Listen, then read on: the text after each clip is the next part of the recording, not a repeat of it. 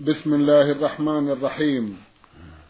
الحمد لله رب العالمين والصلاة والسلام على نبينا وسيدنا محمد وعلى آله وصحبه وسلم. مستمعي الكرام السلام عليكم ورحمة الله وبركاته. وأسعد الله أوقاتكم بكل خير. هذه حلقة جديدة مع رسائلكم في برنامج نور على الدرب. رسائلكم في هذه الحلقة نعرضها على سماحة الشيخ عبد العزيز ابن عبد الله بن باز الرئيس العام لإدارات البحوث العلمية والإفتاء والدعوة والإرشاد. مع مطلع هذه الحلقة نرحب بسماحة الشيخ ونشكر له تفضله بإجابة السادة المستمعين فأهلا وسهلا بالشيخ عبد العزيز. حياكم الله وبارك فيك. حياكم الله. أولى رسائل هذه الحلقة رسالة وصلت إلى البرنامج من حائل. باعثة الرسالة إحدى الأخوات المستمعات. الواقع تأثرت كثيرا بهذه الرسالة إذ تقول فيها سماحة الشيخ. إنني فتاة ولي خمسة إخوة اثنان منهم متزوجون وأنا أعمل معلمة. وإخواني هؤلاء البعض منهم يعمل والبعض يدرس ووالدي يأخذ مني راتبي كله يعطيه إخوتي. حيث يتصرفون فيه في عدة مجالات. منهم من يشتري بها كتب ومنهم من يشتري أشياء خاصة ومنهم من تزوج بها ومنهم من اشترى سيارة ومنهم من يأخذ منها ليكمل بناء بيته حيث, حيث أنني أعمل منذ سنوات عديدة. وكل أموالي تصرفوا بها ولم أعارض في ذلك واحتراما لوالدي وبرا, وبرا به وإحسانا فأنا لا أريد إلا رضا الوالدين. سؤالي هل يصح لوالدي أخذ أموالي هذه مع أنني أتعب كثيرا لتحصيلها ليعطيها إخوتي؟ وجهوني جزاكم الله خيرا. بسم الله الرحمن الرحيم. الحمد لله وصلى الله وسلم على رسول الله وعلى آله وأصحابه من اهتدى بهداه. أما بعد فقد قال النبي الكريم عليه الصلاة والسلام في الحديث الصحيح اتقوا الله واعدلوا بين أولادكم. فوالدك له أن يأخذ من مرتبك ما يحتاجه في نفقته على بيته وأولاده القاصرين. لقول النبي صلى الله عليه وسلم إن أطيب ما أكلتم من كسبكم إن أطيب ما أكلتم من كسبكم وإن أولادكم من كسبكم. قوله صلى الله عليه وسلم لرجل قال له يا رسول الله إن أبي اجتاح مالي قال أنت ومالك لأبيك.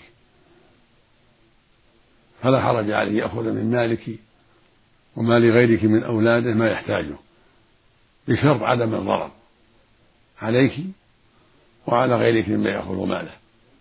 فيأخذ من مالك ما لا يضرك ومن مال أولادك الآخرين ما لا يضرهم لحاجته في نفقته على نفسه وزوجته وأولاده القاصرين. للحديثين السابقين. أما أن يأخذ مرتبك لأولاده الآخرين فهذا لا يجوز إلا برضاك إذا سمحت من نفس طيبة وأذنت له أن يتصرف في ذلك فلا حرج. المال مالك فإذا سمحت فلا حرج. وإلا فليس له ذلك. أما أن يأخذ المال منك لينفقه على نفسه وعلى أولاده القاصرين الذين تلزمه نفقتهم فهذا لا حرج عليه وليس بجائز. وإذا كنت بحاجة إلى شيء حاجة مقدمة. حاجتك أنت مقدمة. في كسوتك وحاجاتك الأخرى أنت مقدمة. وما فضل عن حاجتك له التصرف فيه. في حاجته هو أما أن يعطيه أولاده الآخرين ليبنوا بيوتا أو لغير ذلك من المقاصد الأخرى فلا. أما النفقة التي فرض الله عليه ينفقها عليهم فهذا لا بأس يتصرف فيما يأخذ منك ومن غيرك في الإنفاق على الآخرين القاصدين الذين هم في حاجة إلى أبيهم وإلى نفقة أبيهم. وإذا سمحت بالمرتب كله يتصرف فيه كيف يشاء فلا حرج في ذلك والحمد لله. نعم.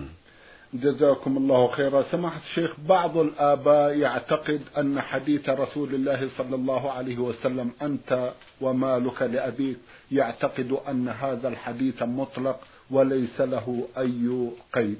هل توجهون الآباء بشيء في هذه المناسبة؟ مثل ما تقدم أن العلم مقيد بعدم الضرر. لقوله صلى الله عليه وسلم لا ضرر ولا ضرار. والقاعدة الشرعية أنه لا يضر أحد لأحد فلا يضر هذا الولد للولد الثاني ولا يضر هذه البنت للبنت الثانية ولكن يأخذ من مالهم ما يحتاجه هو ولا يضرهم.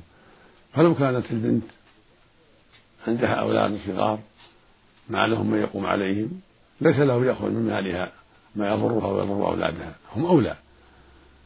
وهكذا إذا كانت تحتاج إلى ملابس وإلى كتب تنفعها في دروسها وإلى أشياء نحو ذلك. فلا بد أن يتعالى ما يقضي حاجتها لا يأخذ منها كل شيء. والقاعدة لا ضرر ولا ضرار فلا بد أن يدع لها ما يسد حاجتها ويأخذ ويأخذ الفاضل لحاجته.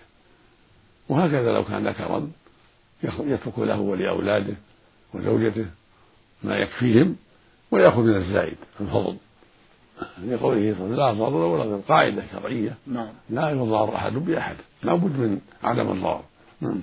جزاكم الله خيرا. فيما إذا أرادت هذه السائلة أن تتزوج أو تبني مسجدا أو تتصدق كيف تتصرف مع والدها؟ أن حق والدها مقدم على المسجد وعلى غير المسجد. حق والدها؟ مقدم. لكن إذا كان الوالد مستغنيا مثلا؟ له أن يأخذ. ما زاد عن حاجتها له أن يأخذ. فبره مقدم على بناء المسجد. بره مقدم. أما حاجتها هي في ملابسها وأكلها وطعامها وأولادها مقدم. تقدم حاجتها هي وأولادها على الوالد.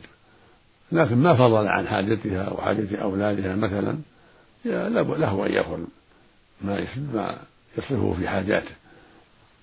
جزاكم الله خيرا. جمعا بين الأحاديث. جمعا بين الأحاديث. نعم نعم. جزاكم الله خيرا. المستمع إبراهيم حسين من ضيا بعث يسأل ويقول ولدي تارك للصلاة. قلت له إذا لم تصلي فحرام علي أن أحادثك لكني لم أصبر وحادثته فماذا علي؟ يجب عليك أن تنكر عليه وأن تؤدبه على ذلك بالضرب حتى يصلي وعليك أن تحجره أيضا. لأنه مستحق لذلك والصلاة عمود الإسلام. من تركها كفر نسأل الله العافية. لقول النبي صلى الله عليه وسلم بين الرجل وبين الكفر والشرك ترك الصلاة. خرجه مسلم في صحيحه. وقوله صلى الله عليه وسلم العهد الذي بيننا وبينهم الصلاة فمن تركها فقد كفر. خرجه الإمام أحمد وأهل السنن بإسناد صحيح. في أحاديث أخرى تدل على كفر تارك الصلاة. فالواجب عليك الإنكار عليه والتشير عليه في ذلك حتى يصلي. وهجره من أهم المهمات إذا لم تنفع فيه النصيحة. وإذا استطعت تأديبه بالضرب فلك أن تؤدبه بل عليك أن تؤدبه. إذا كان الصغير يضرب عليها إذا بلغ عشرا فالكبير يضرب أشد إذا تركها. ولك أن ترفع أمره إلى ولاة الأمور حتى يستتاب فإن تاب وإلا قتل كافرا.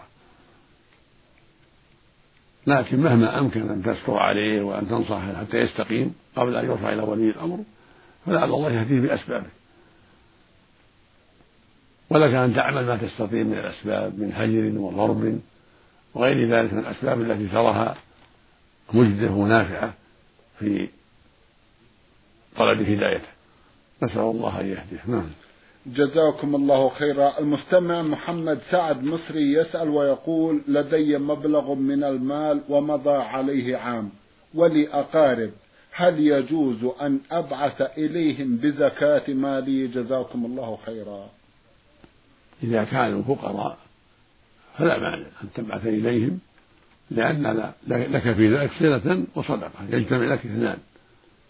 يجتمع لك في ذلك اثنتان صدقة وصلة كما قاله النبي صلى الله عليه وسلم.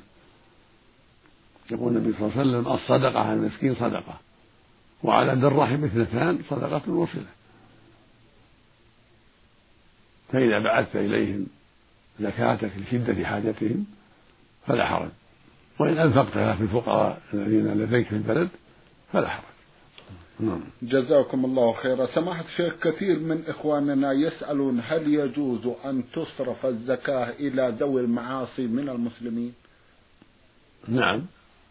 يجوز صرفها في ذوي المعاصي من المسلمين. لكن لا تعطى لا تصرف في الكفرة غير المؤلفة. أما المؤلفة قلوبهم من الكفرة فيعطون أيضا من الزكاة. نعم. كما قال الله جل وعلا إنما الصدقات للفقراء والمساكين. والعاملين عليها والمؤلفة قلوبهم الآية أما العاصي فهو خير من الكافر نعم. فإذا أعطاه لعل الله يهديه بسبب العطية نعم. الصدقة لعل الله يهديه ويرده إلى الصواب بسبب إحسان قريبه إليه بالزكاة إذا كان فقيرا ولكن كونه يعتني بالطيبين والمعروفين بالخير من الفقراء نعم. أولى من العصاة أيوة. هم أحق بالزكاة من العصاة نعم، وإن صرفها لهم للعصاة يرجو بذلك أن يهديهم الله ويؤلفهم بهذا على الخير فهو مشكور مأجور. ولكن مهما كانت الحال فإنه يلتمس الأفضل فالأفضل. من من الفقراء من أقاربه حتى يعطيهم الزكاة ليعينهم على طاعة الله. وليسد حاجتهم عن الحاجة إلى الناس. وإذا صرفها للفقير من العصاة بقصد صالح لعل الله يهديه لعل الله يمن عليه بالرجوع إلى الحق هذا أمر حسن. جزاكم الله خيرا. إذا كانوا من القبوريين أو كانوا من تاركي الصلاة. لا يعطون من الزكاة. إلا إذا كان من السادة من الرؤساء الذين إذا أعطوا يرجى إسلامهم نعم. أو يرجى إسلام نظرائهم معهم نعم. أو يرجى قوة إيمانهم إذا كانوا مسلمين فهم من المؤلفة. إذا كان يرجى في عطيته دخوله في الإسلام إن كان كافرا. أو قوة إيمانه إن كان ضعيف الإيمان. أو إسلام نظرائه إذا أعطوا إذا أعطي قال نظراؤه سوف يعطون إذا أسلمنا فيسلمون. نعم. جزاكم الله خيرا. يسأل سؤال آخر ويقول نحن في قرية في مصر وقريب من بيتنا مسجد صغير لكن إمام المسجد لا يقرأ القرآن على الطريقة الصحيحة. كثيرا ما نبهناه إلى ذلك ولكن لا فائدة. هل يجوز أن نصلي في منازلنا طالما أنه يخطئ في قراءة القرآن الكريم؟ هذا فيه تفصيل. إذا كان اللحن لا يغير المعنى. فالواجب عليكم أن تصلوا معه تؤدوا الجماعة. أما إن كان يؤدي يغير المعنى فالواجب تنبيهه حتى يستقيم أو يعزل. يجتمع الجماعة على عزله والتماس من هو خير منه. فإذا كان لحنه في مثل الحمد لله رب العالمين أو الحمد لله رب العالمين ما يضر المعنى صحيح. وله له وجه من العربية. الحمد لله رب العالمين ورب العالمين له وجه من العربية. أو الرحمن الرحيم أو الرحمن الرحيم. أو ما أشبه ذلك من اللحن الذي لا يغير المعنى فلا بأس لا يضر هذا. أو قال اهدنا الصراط المستقيم أو الصراط المستقيم ما يضر ما يغير المعنى لكن لو غير المعنى وجب تنبيهه حتى يستقيم. مثل إياك هذا يغير المعنى أو صراط الذين أنعمت عليهم. هذا المتكلم ما يصلح. أو أنعمت في خطاب المرأة ما يصلح يغير المعنى. هذا يجب أن ينبه عليه حتى يغير العبارة حتى يستقيم لسانه. لأن هذا اللحن يغير المعنى. ما تستقيم معه القراءة لابد أن يعيد القراءة بالحرف بالوجه الشرعي.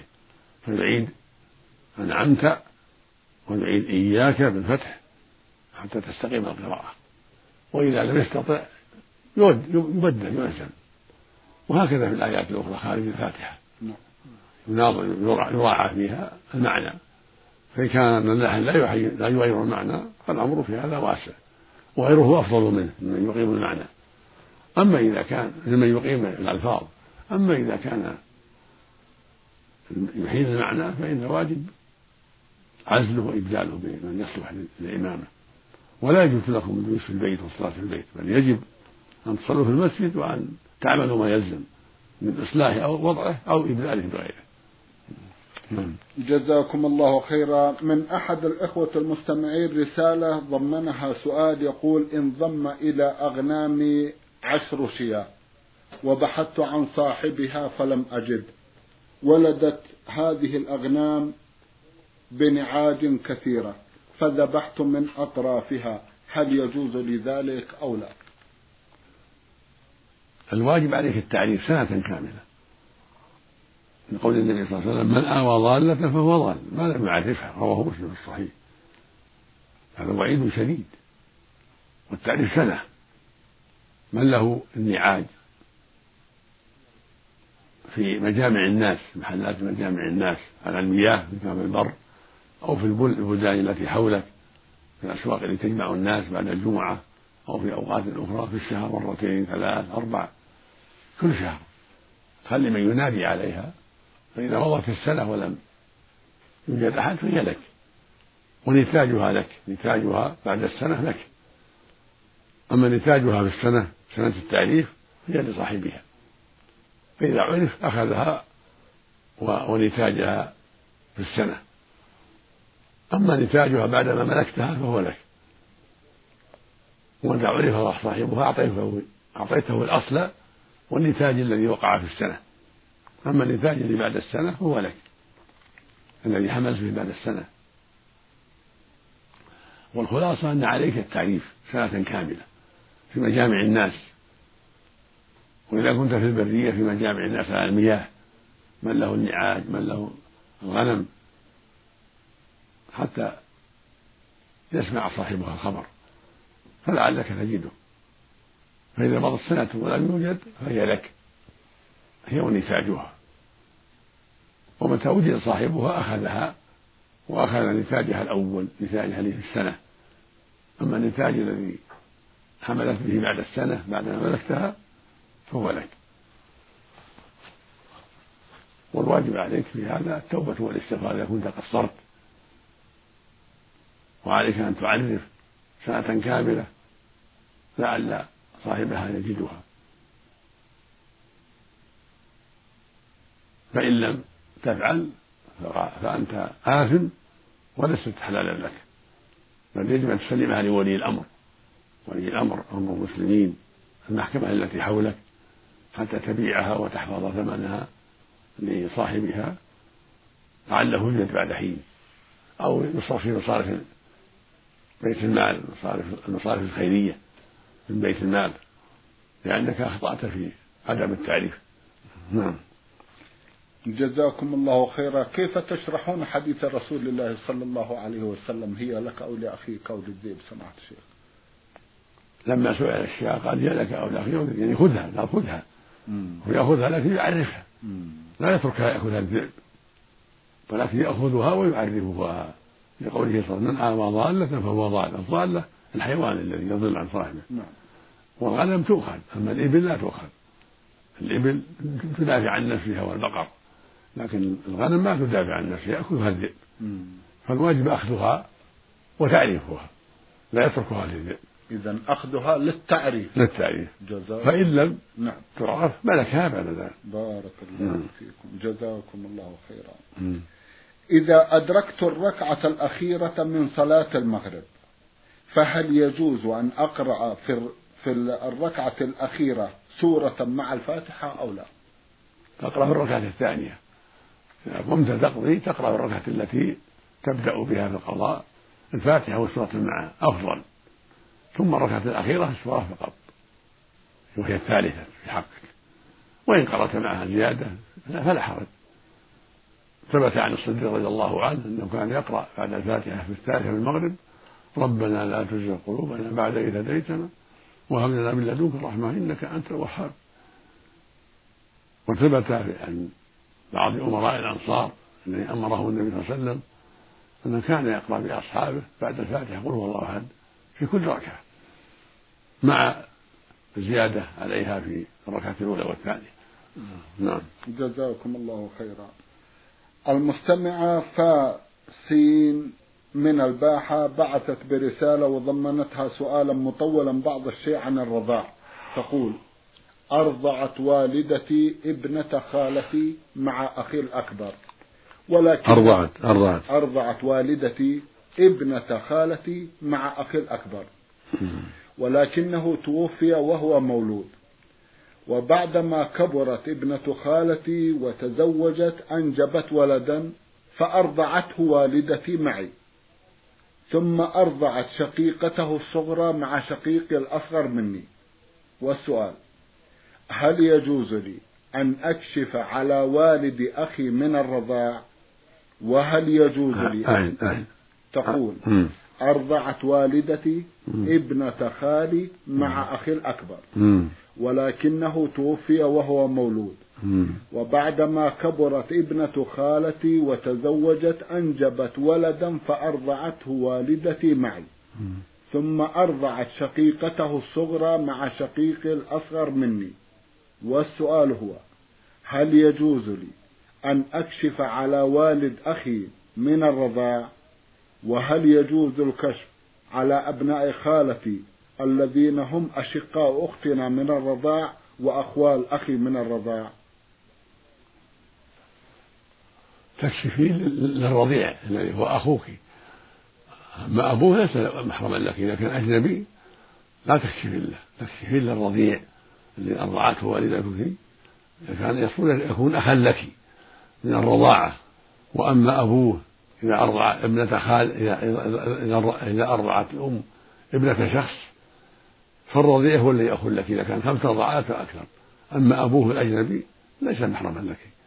أما لو كان ابن خالك خالك محرم. ولو ما أرضعت أمك ابنة. خالك محرم وخال أمك وخال جدتك محرما لك. لكن إذا أرضعت أمك شخصا من الناس فهو الذي يكون أخا لك إذا كان الرضاع خمس رضعات في الحولين أو أكثر. أما أبوه الأجنبي سواء كان ابن عم أو ابن خال أو من الجيران ما يكون محرما لك لأن ليس رضيعا عنه الرضيع ولده. فالرضيع هو الذي يكون محرما لك. أما إخوته الذين ما أرضعته أمك وأبوه هؤلاء ليسوا محارم لك. المحرم الشخص الذي أرضعته أمك خمس رضعات أو أكثر في الحولين. أما إخوته الذين لم يرضعوا وهم أجناب أو أبوه أو جده فليسوا محارم لك. جزاكم الله خيرا. تسأل ما حكم قص الشعر بالنسبة للمرأة؟ ما لعن فيه بأسا إذا كان من مصلحة وإلا فتركه أولى لأنه جمال للمرأة نعم. لكن إذا كان طويل ويتعبها وقصت منه أو أمرها زوجها بقص منه لأن طوله يتعبهم جميعا أو لأسباب أخرى فيها منفعة لهم أو جمال فلا حرج في ذلك. فقد ثبت أن أزواج النبي صلى الله عليه وسلم بعد وفاته قصوا من شعورهن لأجل الكلفة. جزاكم الله خيرا. تسأل عن لبس البنطلون للمرأة أمام زوجها وأبنائها الصغار. لا حرج في ذلك. لا.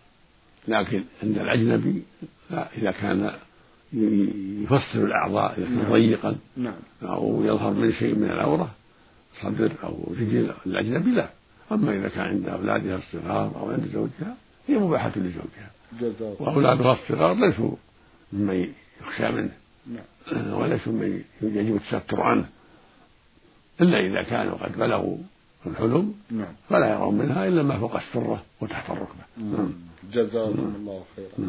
أخيرا تسأل هل للمرأة أن تصلي التراويح في بيت ليس فيه رجال مع جمع من أخواتها؟ نعم. يشرع لهن ذلك. يصلين التراويح نعم. أو العشر الأخيرة يقيم لها جماعة أو فرادى كله طيب. نعم. وإذا صلوا صلينا مع الرجال متسترات متحفظات فلا بأس كله طيب. جزاكم الله نعم. خير وإذا قرأت جهرا بحيث لا يسمعها أحد. إذا تقرأ جهرا تسمع النساء نعم. لا بأس. وتكون في وسطهن. لا أمام لا أمامهن. تكون في الوسط. نعم. وسطهن وتقرأ وتجهر حتى يسمعن. جزاكم, نعم. جزاكم الله خيرا. أخيرا ترجو من سماحة الشيخ أن يملي عليها رقم الهاتف الخاص بكم لتسألكم في أمور خاصة. خذ أربعة ثلاثة خمسة أربعة أربعة أربعة أربعة. هذا واحد. طيب. نعيده. جزاك الله. أربعة ثلاثة خمسة. أربعة أربعة أربعة أربعة. الرقم الثاني نعم. أربعة ثلاثة خمسة واحد أربعة اثنين واحد. نعيده. طيب. أربعة ثلاثة خمسة واحد أربعة اثنين واحد. جزاكم الله خيرا. رسالة من حائل وبعثت بها إحدى الأخوات من هناك تقول المرسلة عين سين باء تسأل تقول ما حكم جلوسي مع أخي زوجي وأطفالي في حضرتي؟ تقول ما حكم جلوسي مع أخي زوجي وأطفالي في حضرتي.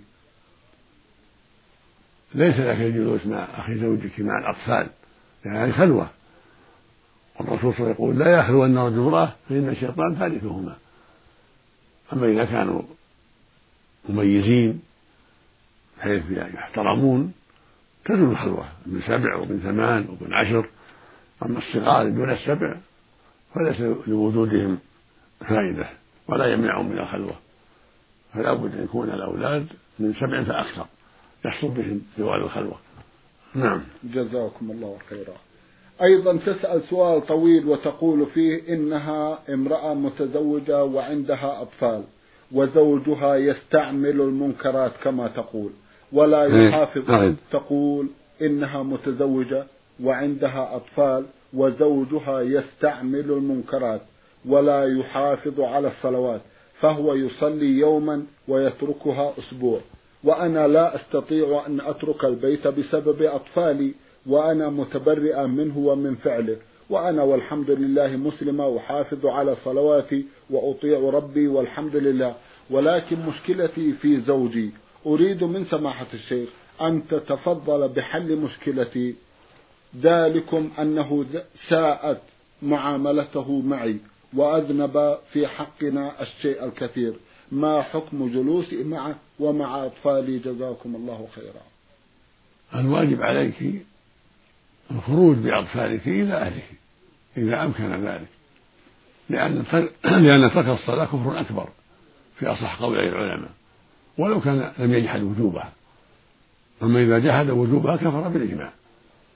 لكن إذا لم يجحد وجوبها فإنه يكفر بتركها في أصح قول العلماء.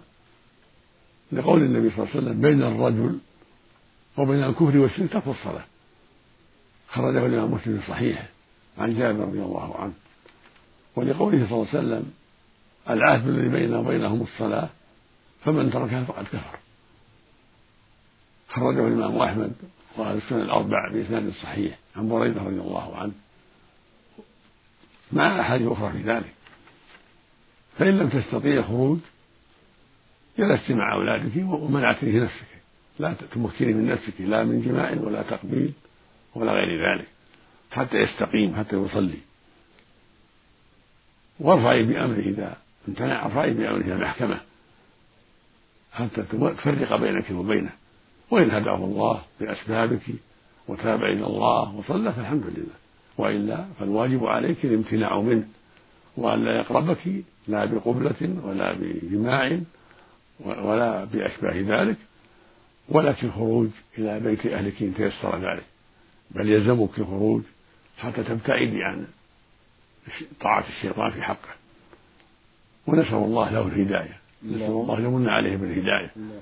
نعم. جزاكم الله خيرا. سماحة الشيخ في ختام هذا اللقاء أتوجه لكم بالشكر الجزيل بعد شكر الله سبحانه وتعالى. على تفضلكم بإجابة السادة المستمعين وآمل أن يتجدد اللقاء وأنتم على خير. نرجو ذلك مستمعي الكرام كان لقاؤنا في هذه الحلقة مع سماحة الشيخ عبد العزيز ابن عبد الله بن باز الرئيس العام لإدارات البحوث العلمية والإفتاء والدعوة والإرشاد. شكرا لسماحته. وأنتم يا مستمعي الكرام شكرا لحسن متابعتكم. وإلى الملتقى وسلام الله عليكم ورحمته وبركاته.